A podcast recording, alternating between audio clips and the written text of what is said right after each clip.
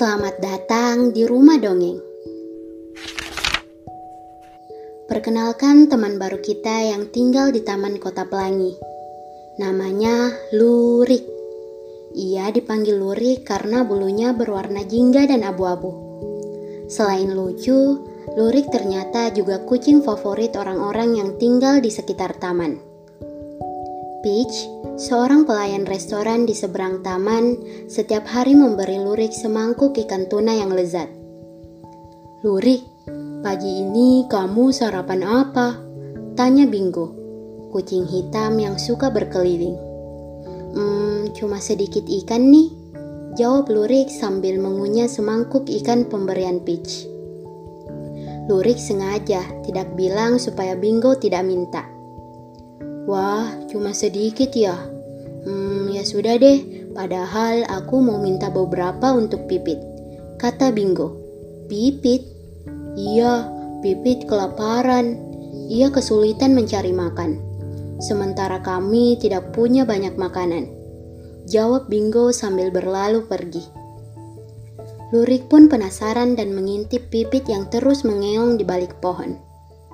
Pipit adalah kucing kecil yang tersesat dan baru di taman ini. Emang sih, ia sangat lemah, tubuhnya kurus dan bulunya kotor terkena asap di jalanan. Ah, tapi kan sudah banyak teman-teman yang akan tolong Pipit. Jadi sebaiknya aku habiskan saja ikanku ini, kata Lurik dalam hati. Keesokan harinya, Bingo membangunkan Lurik yang tertidur pulas. Lurik gawat, Pipit sakit parah. Ia lemas dan sulit bangun dari tidurnya. Lurik dan Bingo pun bergegas datang menghampiri Pipit yang ditunggui Lula. Kucing berwarna jingga yang besar sekali. Lurik, bisakah kamu meminta Peach untuk menolong dan beritahu jika ada kucing yang sakit? Hmm, dekati saja, lalu mengeong dan buat Peach mengikutimu ke sini. Aku dengar Peach pernah menolong Bingo saat terluka, dan Bingo dibawa ke dokter. Lurik pun mengangguk dan segera menarik perhatian Peach yang sedang mengelap meja di restoran. Tak lama, Peach menemukan Pipit dan menggendongnya.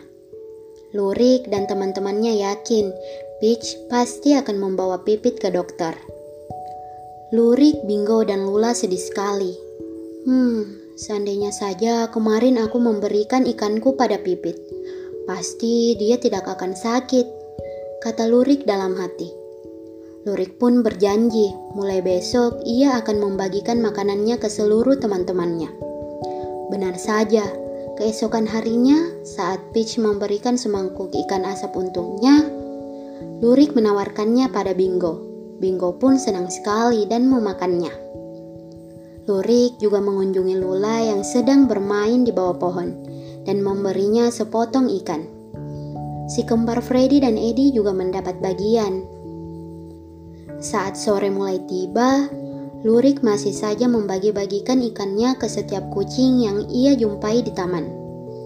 Hingga akhirnya ia bertemu Taro, kucing abu-abu yang baik hati. Lurik pun memberikan potongan terakhirnya untuk Taro. Luri, kenapa suaramu terdengar lemas? Tidak seperti biasanya, kata Taro. Iya kah? Hmm, mungkin karena aku kelelahan. Seharian ini aku berkeliling membagikan makanan untuk teman-teman. Jawab Lurik. Lalu, kamu sudah makan? Tanya Taro.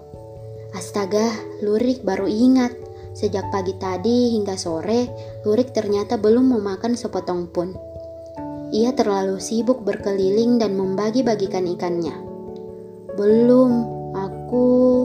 Aku lupa, jawab Lurik. Taro tersenyum. Lurik, Lurik, aku senang hari ini banyak sekali yang membicarakanmu. Kamu baik, berbagi makanan pada teman-teman. Hmm, iya Taro, aku merasa sedih melihat Pipit. Coba kalau kemarin aku mau berbagi ikan dengannya pasti dia tidak akan sakit. Makanya, hari ini aku berjanji untuk memberikan makananku dengan semua teman-teman. Aku tidak mau pelit lagi. Jawab Lurik dengan suara yang semakin lirik. Bagus sekali Lurik. kamu suka berbagi. Tapi sepertinya bukan begitu deh caranya.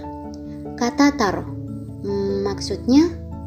Memikirkan orang lain bukan berarti kamu harus melupakan diri kamu sendiri, Lurik.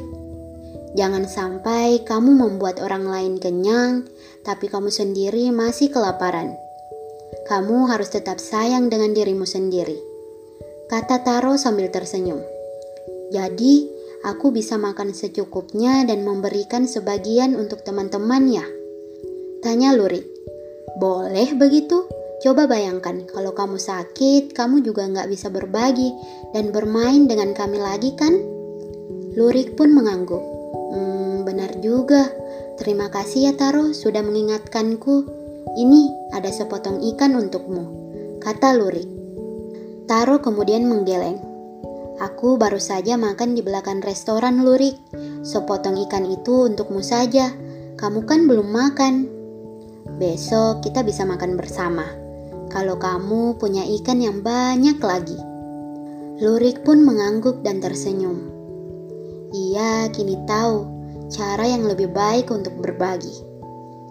Lurik pun menghabiskan sepotong ikan asapnya yang terakhir dan pergi tidur.